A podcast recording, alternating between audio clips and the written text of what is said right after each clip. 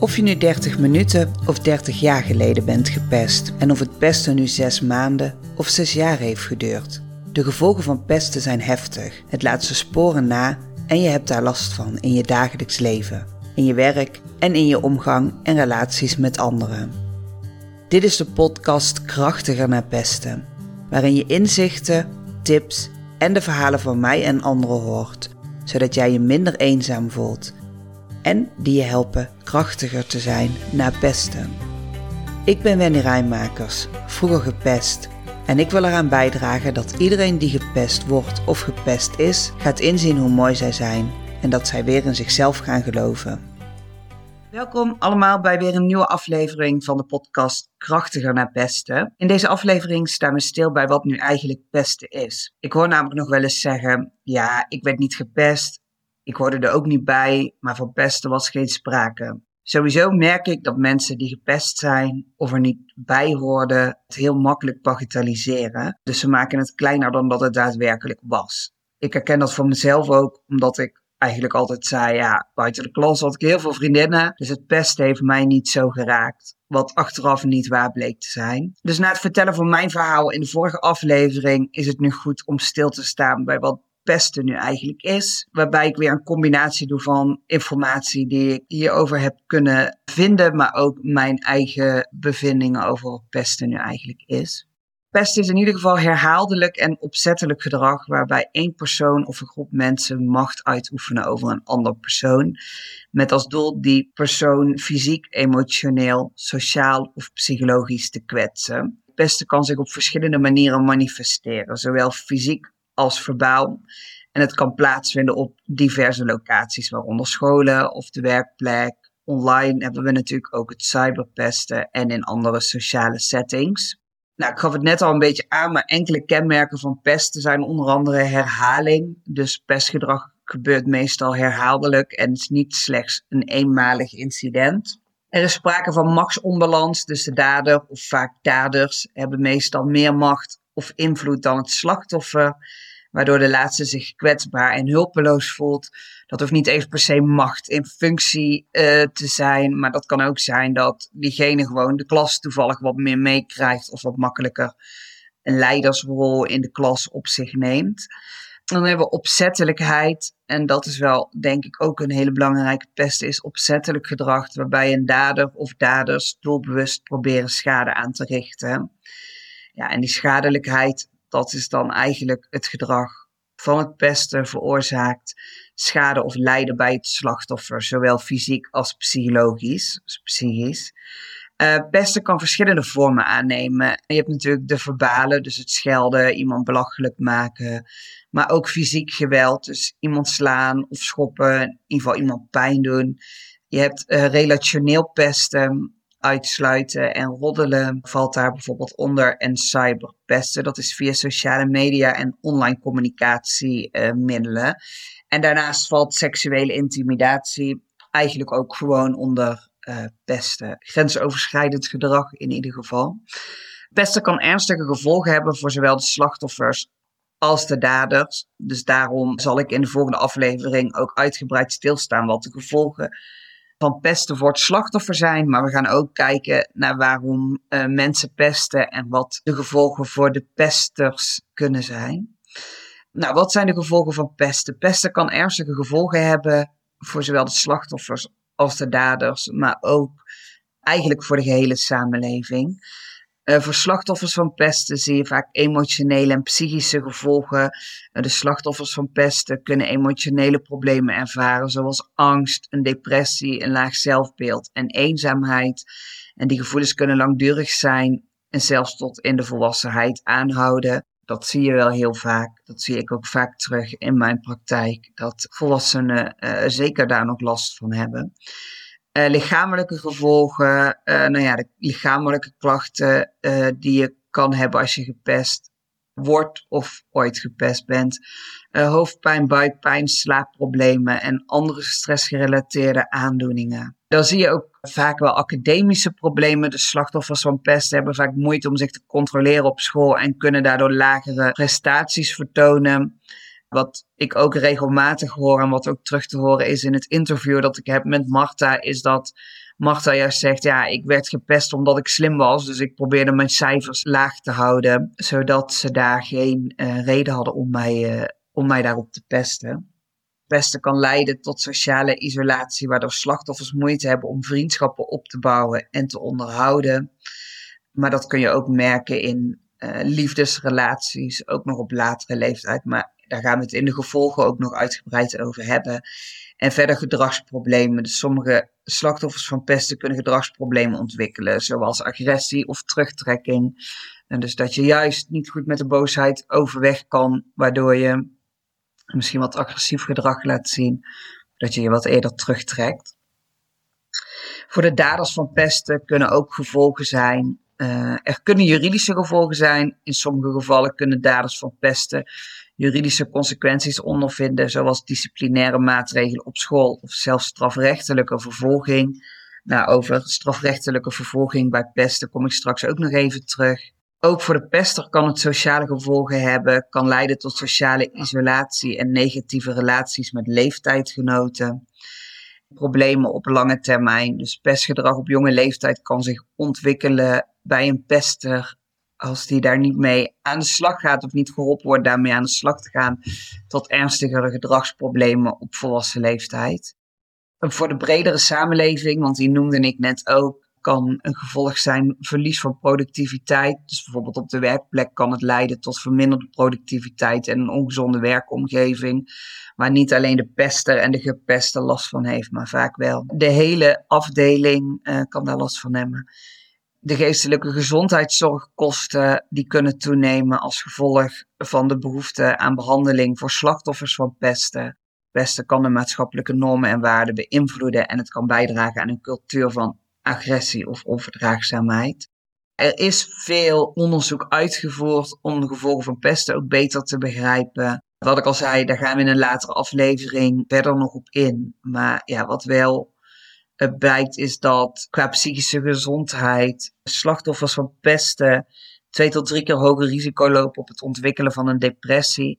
En dat slachtoffers van pesten twee tot vier keer meer kans op angststoornissen hebben dan niet gepeste uh, mensen. Dan is helaas ook het suïciderisico groter. Dus veel verschillende studies hebben aangetoond dat slachtoffers van pesten een verhoogd risico lopen op suïcidale gedachten, zelfbeschadiging en pogingen tot zelfdoding. Het exacte risico kan variëren, maar het is significant hoger dan bij niet gepeste uh, individuen. Mocht je zelf merken, hè, ik word gepest of ik ben gepest en ik heb uh, wel eens suïcidale gedachten of doe mezelf wel eens pijn, neem alsjeblieft contact op, in ieder geval met 113. Daar kun je anoniem hulp krijgen en een luisterend oor krijgen. Wat dus wel belangrijk is, is pesten is heel erg een groeps ja, dat, dat zit heel erg in de groepsdynamiek en in het groepsproces. En dat zie je hierin ook terug. En dat ook niet alleen de gevolgen voor de gepeste zijn, maar ook voor de pester of uh, zelfs voor de omgeving. Er zijn ook veel onderzoeken uh, gedaan over pesten. Heel veel bestudeerd, vooral binnen de psychologie, sociologie, onderwijskunde en andere vakgebieden. Daarin wordt een breed scala aan aspecten van pesten onderzocht, waaronder de oorzaken, gevolgen, preventie en interventies.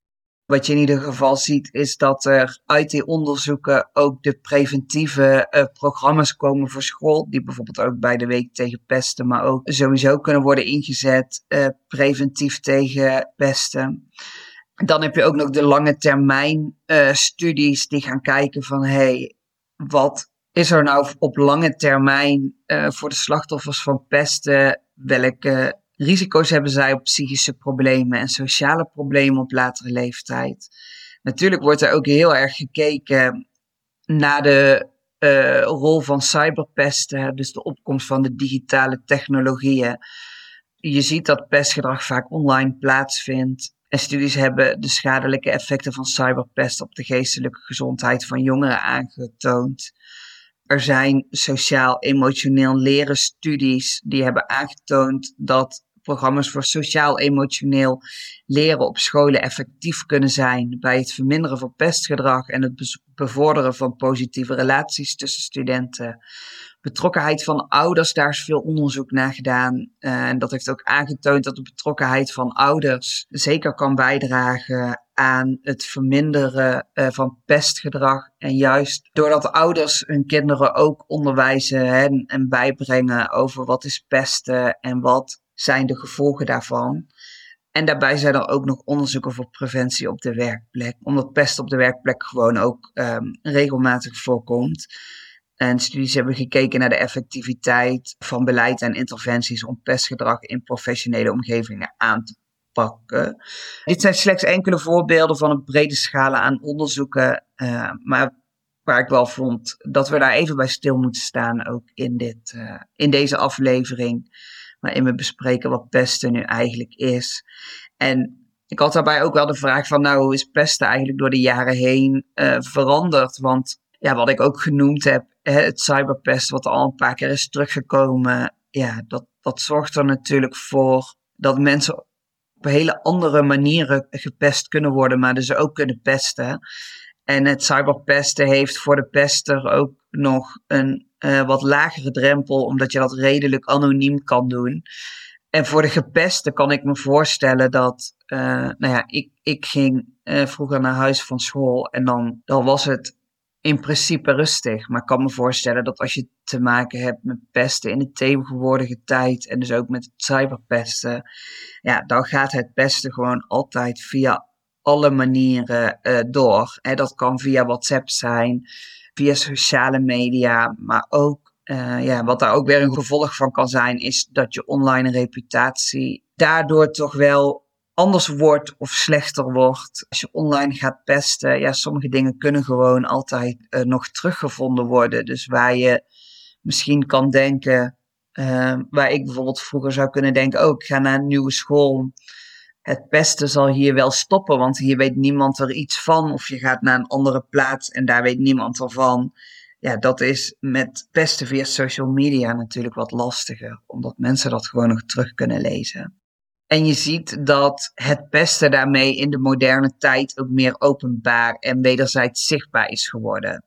Dus het online plaatsen, nou ja, dat, dat zie je ook wel eens, hè, dat, dat een kind in elkaar wordt geslagen of een volwassene en dat daar filmpjes van worden gemaakt en die worden dan geplaatst. Of wat denk je van het doorsturen van foto's van iemand waar dan de hele school uh, over lachte. Dus ja, ook daarin zie je dus dat in de verandering van pestgedrag in de afgelopen jaren toch wel het online uh, pesten, op welke manier dan ook, heel erg vergroot is. Uh, wat ook vergroot is, is gelukkig ons bewustzijn en educatie. Dus er is een grotere bewustwording en educatie over pesten. Scholen en gemeenschappen zijn veel meer geneigd om maatregelen te nemen tegen pestgedrag. Er zijn anti-pestprogramma's ontwikkeld, uh, wetten aangenomen om pesten aan te pakken. Maar daarnaast natuurlijk ook um, ja, de week tegen pesten, de dag tegen pesten, die hebben we ook allemaal. En daarbij hebben we ook veranderende sociale normen. En daarbij is het eigenlijk dat onze samenleving over het algemeen gewoon minder tolerant is geworden voor pestgedrag. En het belang van het aanspreken van pesters en het ondersteunen van slachtoffers is toegenomen nou ja, iets wat ik natuurlijk heel erg toejuich. En ook met deze podcast en mijn posts en blog probeer te bereiken. Want wat ik nog weet uit mijn verleden ook dat, nou ja, wat je ook in mijn verhaal terug kan horen, is dat bijvoorbeeld ook een leraar er eigenlijk aan bijdroeg. En hoe kan het nou zo zijn dat als je gepest wordt en er niet bij wordt en, en school al onveilig is, dat je dan ook niet op je docent kan uh, terugvallen? Ja, ook dat, dat hoor ik ook wel bij veel klanten, maar herken ik ook wel van mezelf. Van, ach, maar dit was toch een grapje. Of, oh, je moet, je toch, je moet de dingen niet zo zwaar nemen. Of je mag leren om meer voor jezelf op te komen. En daarbij wordt het heel erg bij de gepesten neergelegd. Terwijl volgens mij de pester of pesters die doelbewust iemand pijn doen. Dat volgens mij daar ons grootste werk zit in deze samenleving. Dus als je kijkt hoe pesten in de jaren veranderd, dan zijn gelukkig ook onze sociale normen veranderd. En dan hebben we dus ook uh, veel meer onderzoek uh, gehad naar pesten, waarbij er veel meer preventie, uh, inspanningen zijn. Wat natuurlijk ook heel goed is. Wat dan ook wel een vraag is die regelmatig terugkomt, is ja, welke doelgroep maakt nou de meeste kans om gepest te worden? En hè, wat, wat ik vaak wel hoor zeggen is, oh ja, want ik was ook zo gevoelig. Of nou ja, ik ben ook een gevoelig persoon.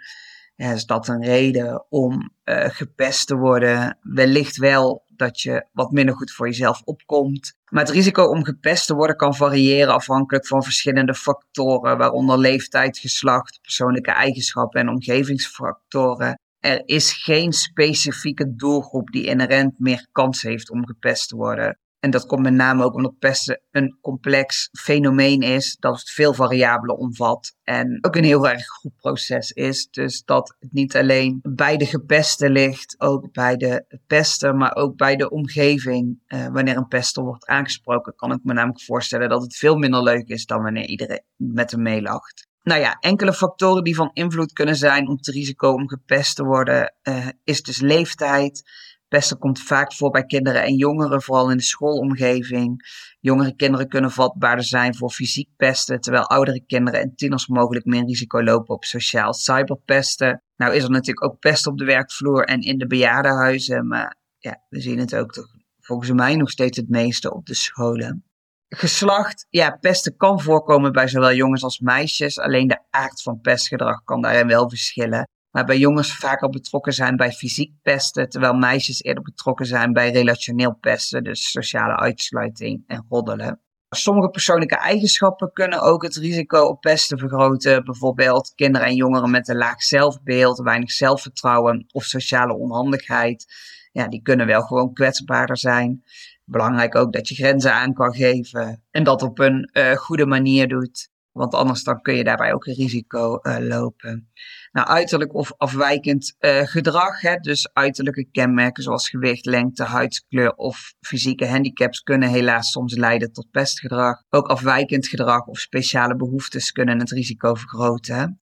En dan heb je ook nog de sociale omgeving. Het kan in verschillende sociale omgevingen voorkomen, zoals scholen, werkplekken, buurten en online platforms. En de cultuur en normen in de omgevingen kunnen van invloed zijn op de frequentie en de ernst van het pestgedrag.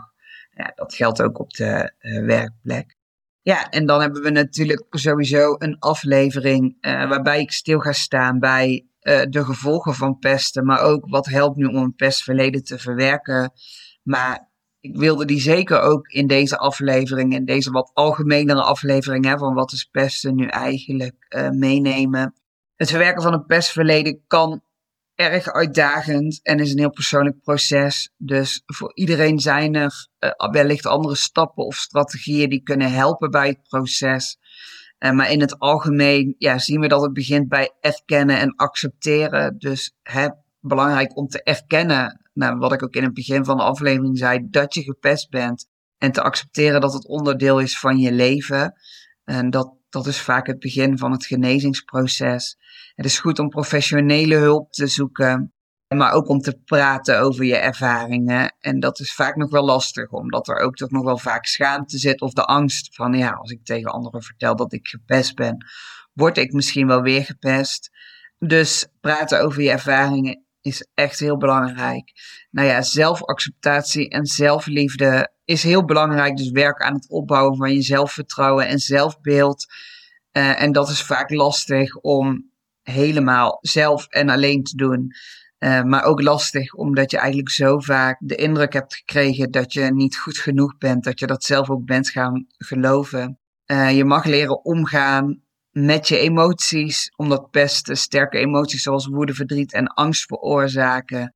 Het is goed om gezonde manieren aan te leren om met die emoties om te gaan. Nou ja, dat kan bijvoorbeeld zijn meditatie, mindfulness, yoga. Wat mij persoonlijk ook heel erg geholpen heeft, is om de emoties eerder en beter te gaan herkennen.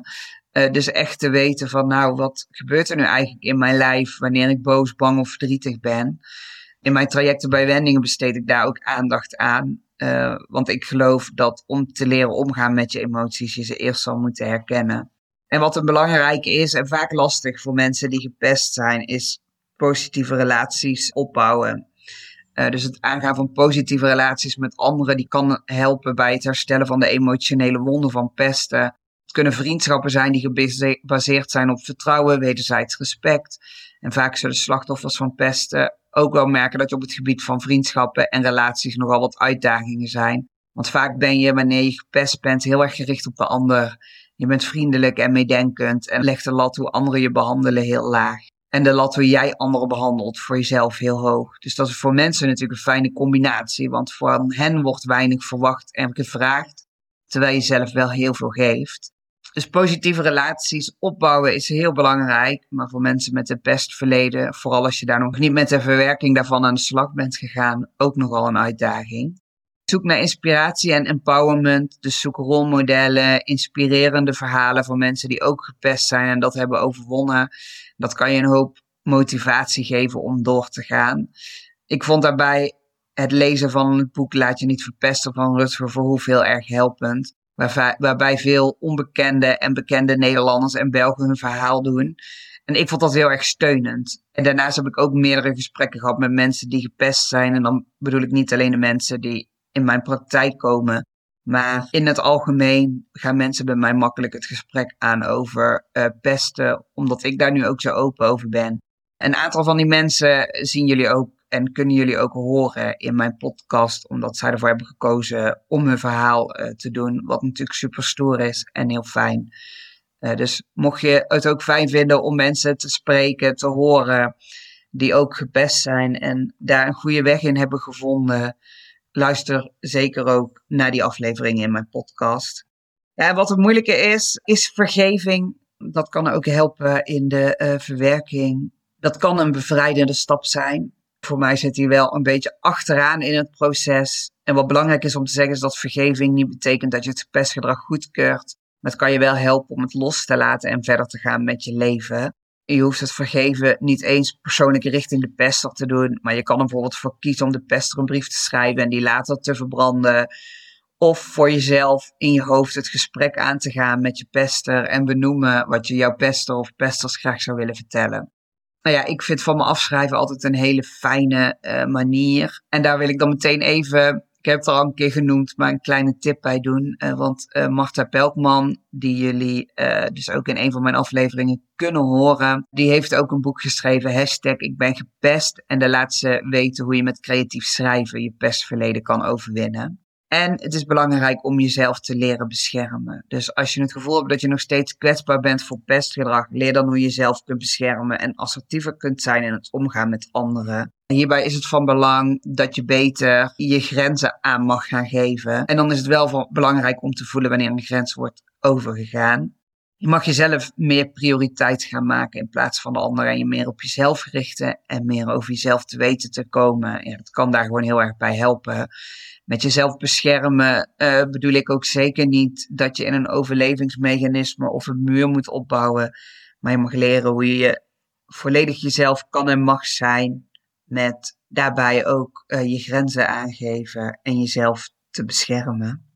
Nou ja, er zijn natuurlijk heel veel onderzoeken gedaan, daar hebben we het al over gehad. En er komen ook wel cijfers uit. Ik heb bijvoorbeeld gekeken op uh, de site van SAQI, S-A-Q-I. Dat staat voor de School Attitude Questionnaire Internet. En uh, die hebben een vragenlijst op scholen en via het internet afgenomen. En er zijn een aantal cijfers uit voortgekomen. Als zij uh, kijken naar het pesten van anderen, zegt 76% van de ondervraagden minstens enigszins betrokken te zijn bij pesten. 40% is minstens relatief sterk betrokken en 12% zijn heftige pesters. Dus slechts 24% is helemaal niet betrokken. En bij gepest worden zie je dat 65% aangeeft min of meer gepest te worden. 40% wordt middelmatig gepest en 12% wordt ernstig gepest. En dus maar 35% helemaal niet. En de vraag is ook of uh, bij de ondervraagden duidelijk is wat allemaal onder pesten valt en of dat de cijfers dan wellicht nog wat anders zouden zijn. Pesten komt dus veel voor, vooral op scholen, maar ook op de werkvloer. Dus nog een paar cijfers. 1 op de 10 leerlingen in het basisonderwijs wordt gepest. 1 op de 20 jongeren op het voortgezet onderwijs wordt gepest.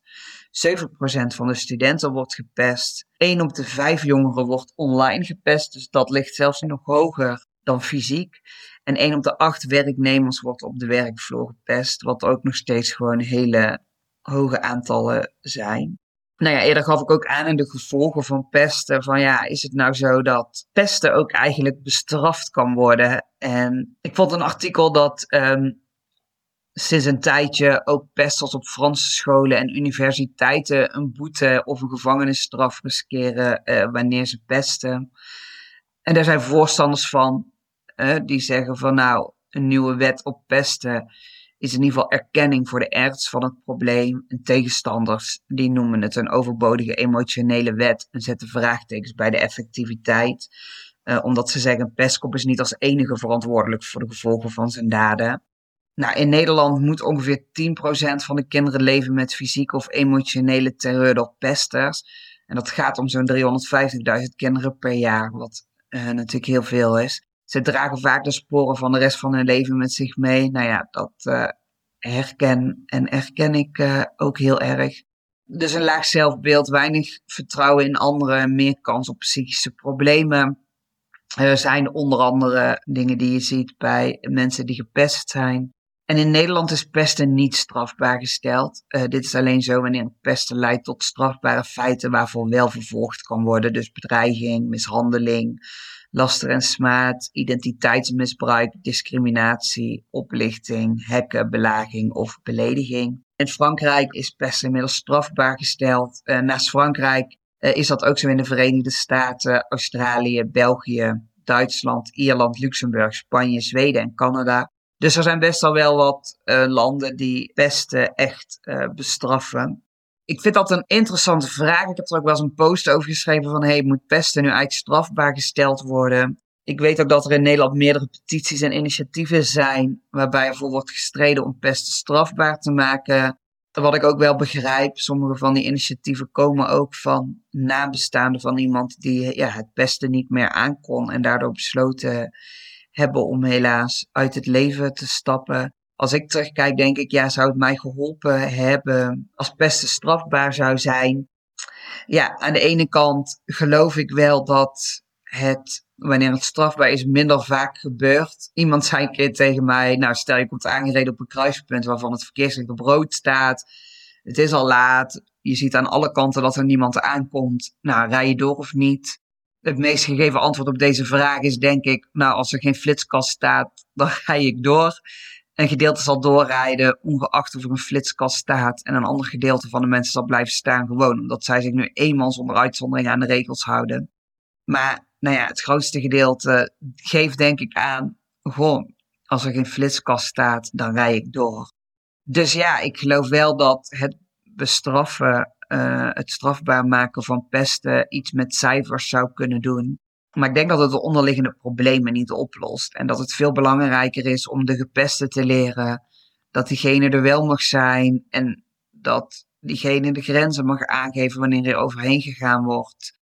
En ik denk dat het juist ook heel belangrijk is, en misschien nog wel belangrijker, om met de pester in gesprek te gaan over de reden waarom deze pest. Waarom heeft die persoon nodig om andere pijn te doen? En daarbij heb je natuurlijk de groep van de omstanders. Want dat is waarschijnlijk een groep die het niet oké vindt wat er gebeurt. Maar die vooral opgelucht zijn dat zij zelf niet uh, het slachtoffer zijn. Dus die uit angst of onzekerheid het maar laten gebeuren. Of misschien zelfs meelachen. Uh, of de gepesten de schuld geven. Dus ik vraag me ook wel af hoe zou het nou zijn als we deze groep weerbaarder zouden maken. Uh, wanneer die niet meedoen en niet meelachen. maar wellicht zelfs opkomen voor degene die gepest wordt. Ja, hoe fijn is het dan nog voor de pester om met het pesten door te gaan. Dus ja, mijn mening is bij de strafbaarheid, aangezien het een groepsproces is, lijkt me dat bestraffing misschien niet de beste oplossing is, maar dat we aan de onderliggende problemen uh, moeten werken. Al snap ik heel goed dat er ook heel veel mensen zijn die zeggen, nou, ik zou het juist wel uh, strafbaar willen stellen. Nou, tot zover eigenlijk even, denk ik, de belangrijkste cijfers, kenmerken, weetjes die ik over uh, pesten in het algemeen even met jullie wilde delen. In de volgende aflevering uh, ga ik verder in op de gevolgen uh, van pesten. En jullie daar ook in meenemen. Dus in de gevolgen die ik heb ervaren, maar ook de gevolgen waarvan bekend is dat die van toepassing zijn. Heel erg bedankt weer voor het luisteren. En heb je vragen of opmerkingen, dan hoor ik dat uiteraard graag van je. Ik hoop dat deze aflevering jou verder helpt. Dat het je meer inzicht geeft in wat je pestverleden met je doet en hoe je daar zelf iets mee kan. Ben je er klaar voor om de volgende stap te zetten? Om los te komen van jouw overlevingsmechanisme dat is ingegeven door het pesten en dat zoveel facetten in je leven beïnvloedt? Stuur me dan een mailtje op info@wendyrijmakers.nl. Wil je liever eerst wat meer lezen over wat je kan bereiken en over mij? Dat kan op www.wendyrijmakers.nl. Dankjewel voor het luisteren en tot de volgende keer. En vergeet niet, ook jij mag er zijn. Jouw aanwezigheid maakt de wereld een stuk mooier.